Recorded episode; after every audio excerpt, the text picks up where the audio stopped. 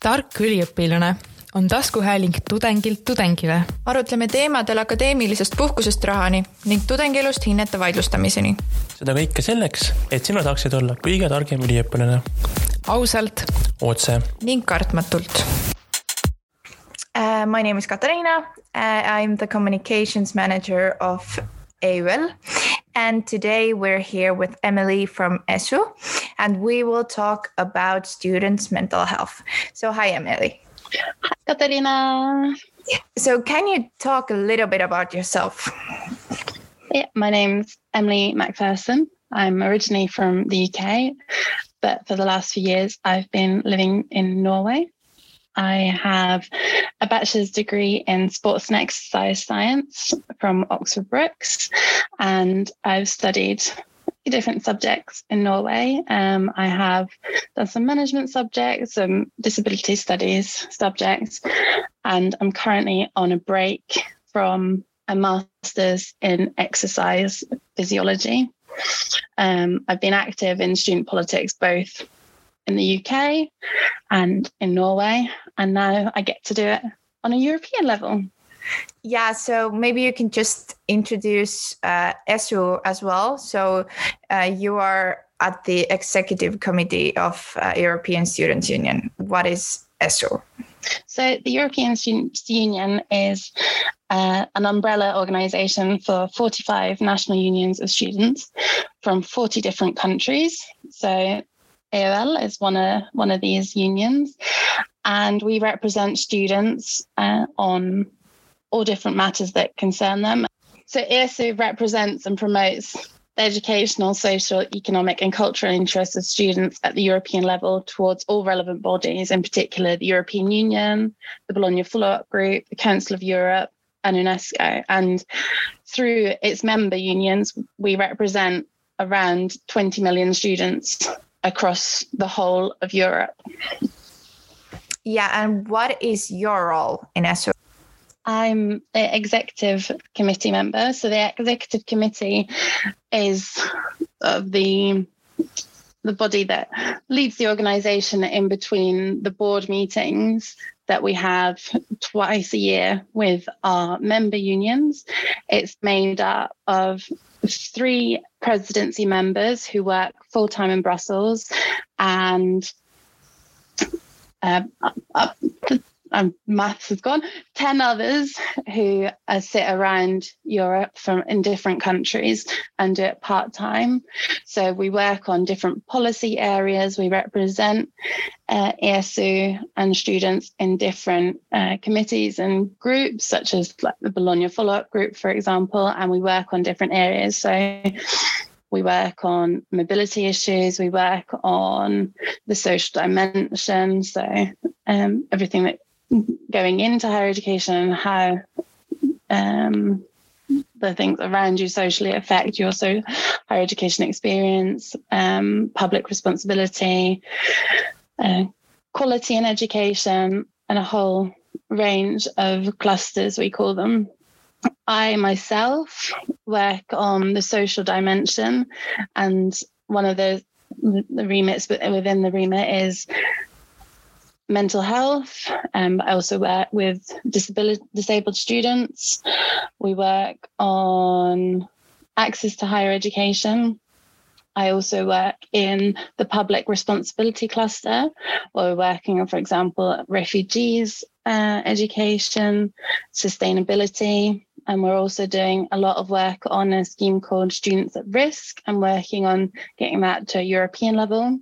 I also work in the organizational development and capacity building cluster, which looks in, into ESU and how ESU is built up and how they function as a, an organization. That's a whistle stop tour of some of the things uh, that we do. You already mentioned uh, mental health, so I think let's get to the today's topic, uh, the students' mental health. I mean, I think everyone's been talking about it a lot, but I feel like there are still problems. Uh, so, could you maybe tell us first what are the main problems uh, you have noticed uh, at your work in ESU and in your personal life that like that what are like the biggest problems students are having when it comes to mental health?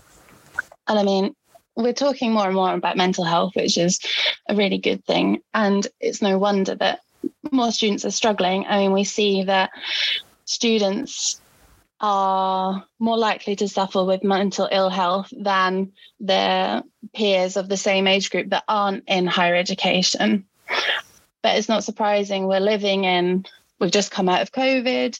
We're now looking at there's wars going on around us, the climate crisis. We're worried about our finances.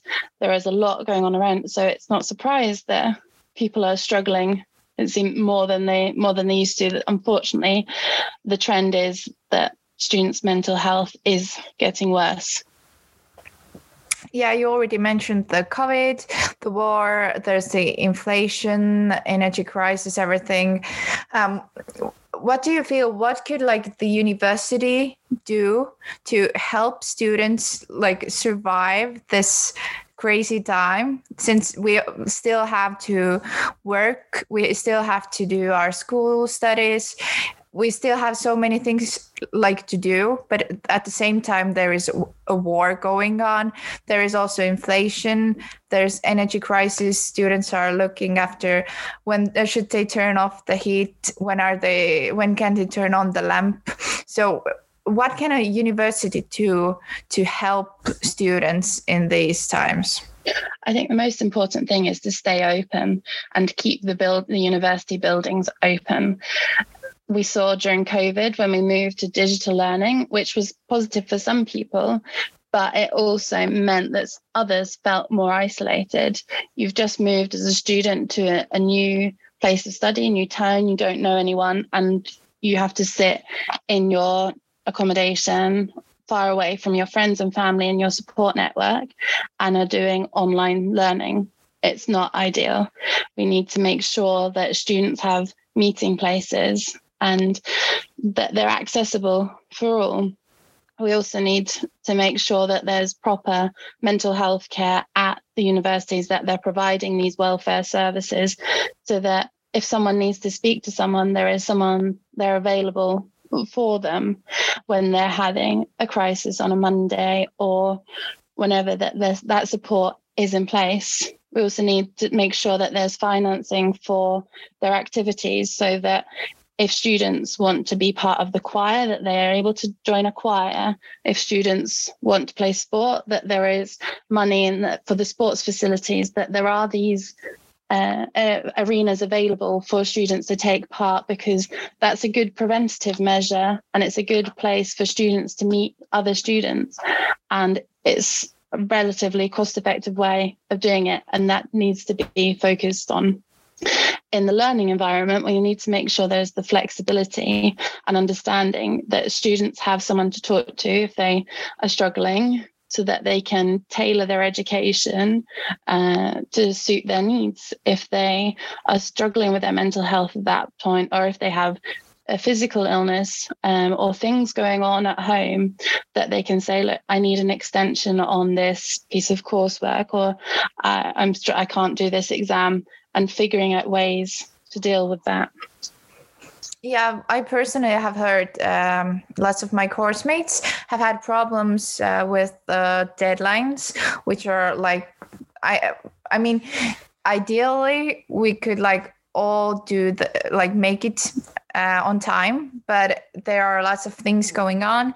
Uh, most of the students, at least in Estonia, are working during yeah. the studies to just survive. So it's I think it's normal that you can't all the time make uh, give all the papers in for the deadline. And uh, we've had lots of good practices with uh, when there was a co- the COVID time when you had the uh, when you had COVID, you could tell, and like all the professors and like everyone were just understanding. They could understand it. They they were also scared of it, but they were understanding. And I feel like maybe they should extend this understanding also to mental health issues, to I mean, yeah, I think I yeah. feel like like universities shouldn't be like some kind of Hunger Games situation No. where you just have to survive somehow. I feel like it's more about the We cooperation. want students thriving, not just Yeah. surviving. We need to take the, the things we learned from COVID, the positive things and the negative, and use them in the future. We saw that, yeah, we were able to move over to digital learning and flexible learning and have some people at home, some people in the classroom, and learn from that and keep that flexibility that we had there moving forward.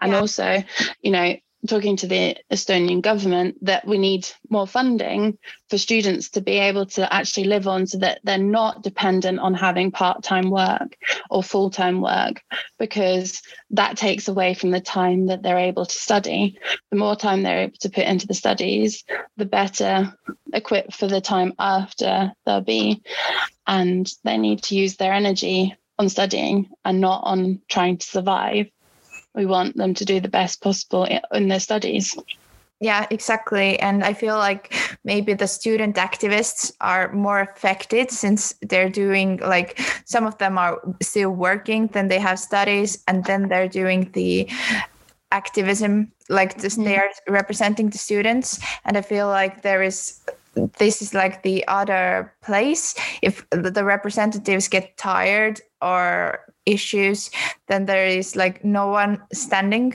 for them mm-hmm. because they are the ones who should be like standing for the students mental health as well inside the university. So maybe what can we what can we do to prevent that one? And that's exact that's my experience as well. Often the activists they are caring for their own mental health as well and like they they're struggling and putting that on the line. We need to make sure that they're taken care of as well. Like if they get some sort of pay for their time as student activists or student politicians, whatever you want to call them, so because they are doing a really important job for the students and for the quality of their education and making a difference. They need to be recognised for that so that they are able to do this either full time or next to their studies and not be reliant on another income. So they're struggling even more and it's having staff for example i'm not i don't know how it works in estonia in the students union but having staff there to take care of the students as well like so that they don't burn themselves out. And they have they have someone to talk to and have someone to ventilate because often because they're visible people within the student community students vulnerable students might come to them with their problems. So then they're burdened with other people's problems which i'm sure they will gladly take on but they need to be able to process that as well. So they they need to take care of themselves also yeah exactly. Uh, for example in my university there there is some kind of counseling available but uh, when i last time i checked like yesterday all the times were booked uh, i think it was until in the middle of december. So I feel like this is also one thing universities should focus on more.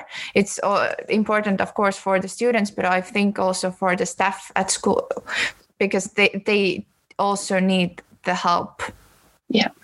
So like that's not a rapid response. You know, if you're standing there on in the middle of the week and you're having a crisis and you have to wait until December, that could go really, really wrong. And for some people, this is for some is life and death. So we need to make sure that there's investment in those student healthcare systems so that they have someone that they can talk to at short notice and not have to be on a waiting list. And unfortunately, this isn't a unique problem in Estonia. This is happening elsewhere in Europe as well. But do you know any countries where the like whole support system is like working is great? Like, are there any good examples? There are some I think are working better, but I think there are everywhere struggling. I mean, like I mentioned, I'm I'm from Norway where we have a great healthcare system. We have a great support student support system as well. But even here, the figures are terrible and the waiting times are far too long. So unfortunately it, it looks dark uh, across Europe as far as I'm aware. Yeah, well, you mentioned Europe. Maybe we can like try to also get information about are there are like people talking about it about the students' mental health like all across Europe? Like, is it has it come up in ESU work as well when you meet uh, some important people in uh, European Parliament or some other groups?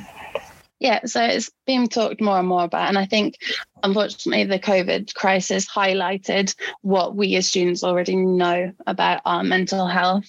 Um, just before the pandemic, as well, they, ESU collected and created a comparative analysis of mental health among higher education students. And they collected data from across Europe. And it's something that most countries across Europe are working on.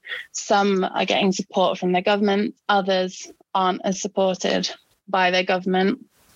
And I've noticed it is something that is on the agenda at the European level as well. Um, and in the same year, in 2020, ESU adopted a mental health charter. So it's something that we as students are talking about, and I feel like decision makers are becoming more aware of this as as the problem. Can you maybe bring up some points from the mental health charter which would like illustrate it a bit. Like what is it? How does it like what it what does it involve? So the mental health charter is is it, it touches on a lot of the things that we've already um, touched on here today like flexible learning environment um, interventions and what we expect from higher education institutions and tuition fees, the debt, all of these worries that students have, they all contribute to students' mental health. And it's talking about the systematic changes that have to happen, um, like we've already touched on.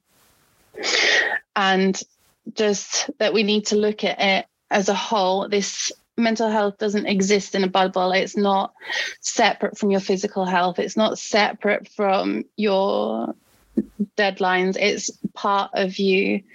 And it needs to be part of the curriculum. It needs to be made sure that the curriculum is um, manageable and it's flexible and that is there's adequate adequate pedagogical methods. And we need accessible and free of charge mental health services, like we've already touched on. Um, and it, so it's a lot of the things that we've already touched on. Um, one of the things that we as ESU do on this topic is we are part of the Euro Student, which is a massive survey across Europe that collects in data because that's ESU's role. We are um, at the top, and we'll have to have an overview of what's going on in, in Europe and trying to create policy and influence and collect data about students across Europe to use towards these policymakers and provide the input and the views of students in, for example, the Bologna follow up group um, or like I said, on the Euro students so that we have that data about students' well-being to be used uh, as uh, to, towards the policymakers. But maybe I think the local student unions like i mean the national uh, student unions of course as well but i feel like the local student unions at their universities could maybe also use the mental health charter to get ideas what to try to like lobby in their university. And i think also like to get, gather the data because i know that lots of universities at least in estonia are also having a different surveys about uh, Estonia is, of course, uh, also part of the Euro student, but I feel like uh, like our local student unions could maybe also try to do what ESU does on the European level inside their own universities to try to make a change. Absolutely. Like there are things that you can do at a policy level and there's things that we can do as people. And I think like get inspired look at go onto the ESU website look at what we've written about mental health look at the AOL website look at other student unions what they've written on the topic and suit it for an Estonia, what is going on in Estonia.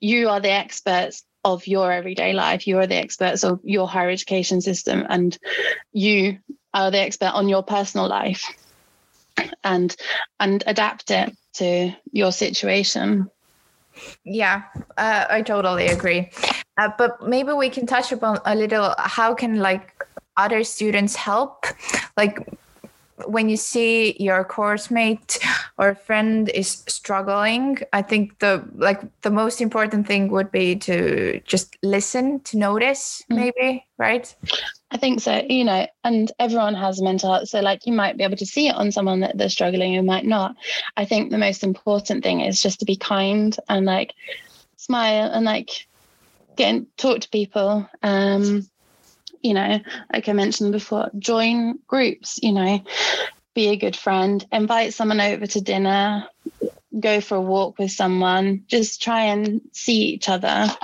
Um, but first of all, take care of yourself. Be kind to yourself because you need to be able to look after yourself before you can look after others. You know, think about how you speak about yourself. Are you using a kind voice? Would you speak to your friend in in that way? Um, and give yourself a break. You know, it is tough studying, and we've been through what's going on in the world. You know, try and turn off the news. Give yourself a break if you can't. You know, deal with studying right now. Say, okay, I'm going to just take a break for a minute. I need to be kind to myself. You're you're doing the best you can at this. Um, just just keep trying your best. I mean, myself, like when I've been in, I've been in, I've been in hospital for my mental health, and when often when I've done that, it's been the basics that need to go back. So if you are struggling, go back to basics. Try and get back your routine. You know, sleep during the night, be awake during the day, and try and have. If you need to have a nap, okay, but try and try and do that. But again, be kind if you can't manage that. And get out in the daylight, even if it's just for 15 minutes. If you can go for a walk, great. And that takes us on to the next part. If you can get some physical activity, do that. Find something that you enjoy doing, even if it is just walking around your student accommodation for 15 minutes. Even if it's raining, there's still some sunlight behind those those clouds. You could find another physical activity you enjoy. You know, if you enjoy dancing, find dance in a nightclub, dance uh, in the street, singing. You know that moves. That's a movement as well. Or if you enjoy going to the gym, it don't. But you don't have to join an expensive gym to be able to do exercise. Just find something you enjoy, and you'll be able to stick to it. And regular meals. So like often that's something that slips out. But again, be kind. If you only feel like eating pizza for dinner, that's fine. It's better that you eat something than than nothing at all. Even if you have pizza every day, you've got all your major food groups in there. And try not to think like, oh, this is bad food, this is good food. It's better that you eat something than nothing at all. Just listen to your body. You know, it knows what it needs. Sometimes it does trick you, but just listen to it and trust trust in yourself and take care of each other. I think that's like the best advice ever and i think this would be like a good thought to end this podcast as well because uh, i really like the thought of looking after yourself first and then you can help others because i think it's mm. and just do something nice for yourself if it's buying yourself a hot chocolate having a hot chocolate or if it's doing some drawing singing along to the radio try and find those little things in a day that bring you a little bit of joy. Amazing. Thank you so much for coming and talking and sharing your thoughts. Thank you so much for having me. It's been a pleasure and just reach out and to each other and we're here if you need us as well at the European Students Union. Thank you.